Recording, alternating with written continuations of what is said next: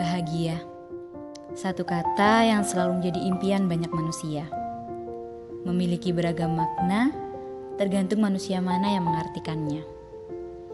Tentu, ia mudah didapatkan, tapi bagi sebagian orang, itu adalah sebuah perjuangan. Semua bisa bahagia karena roda kehidupan selalu berputar dan berjalan. Kadang ia melayang, tak jarang pula ia terhempas. Semakin dewasa, manusia semakin mampu menikmati luka-luka dan lika-liku kehidupan, hingga merasakan kebahagiaan meskipun berada di tengah kesederhanaan. Karena bahagia bukan perihal dicari dan ditemukan, tetapi diciptakan. Selamat datang di podcast kami bersama Ulia Fitria, membicarakan beragam rasa yang ada dalam diri manusia agar menjadi melodi keindahan hidup ini.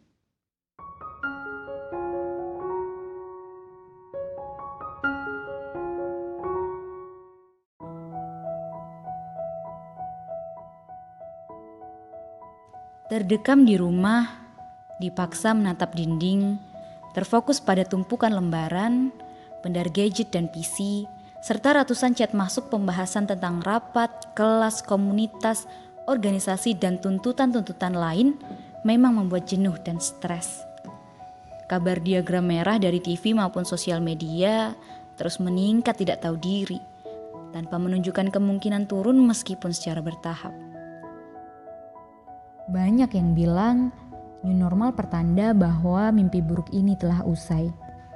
Tapi faktanya, kejadian di lingkungan menampar argumentasi tersebut.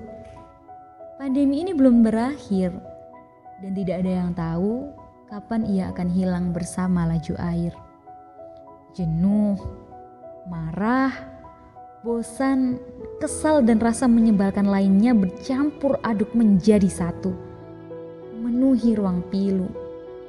Untuk tersenyum pun masih tertutup oleh awan abu yang belum mau bergegas untuk berlalu.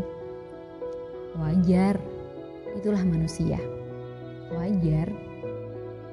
Kita nggak bisa memaksa orang lain untuk selalu menebarkan senyum dan kebahagiaan dalam keadaan yang seperti ini.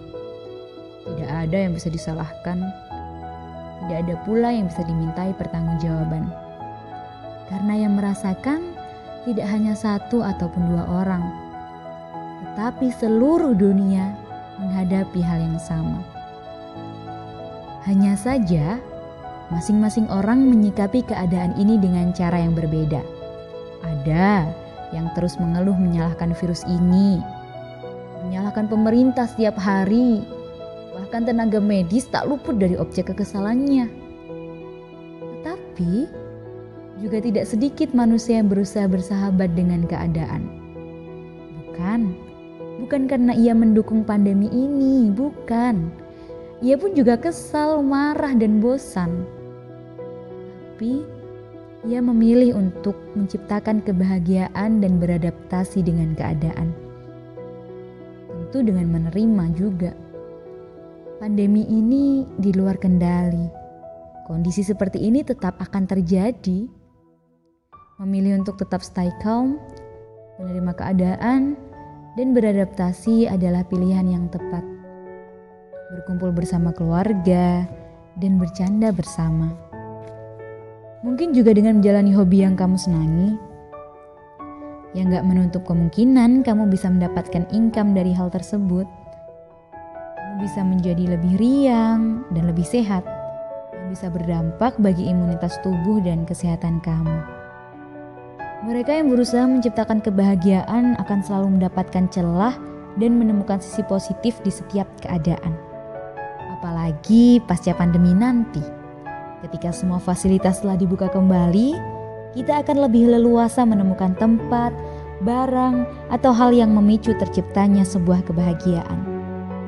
Seperti alam yang semakin menghijau, kualitas udara yang semakin membaik, dan fasilitas lain yang tidak bisa kita nikmati di masa pandemi, sehingga menciptakan suasana kedamaian dan ketenangan. Akhirnya, kebahagiaan tidak akan ragu untuk menghampiri kita, karena ingat selalu bahwa kebahagiaan bukan dicari, tetapi diciptakan.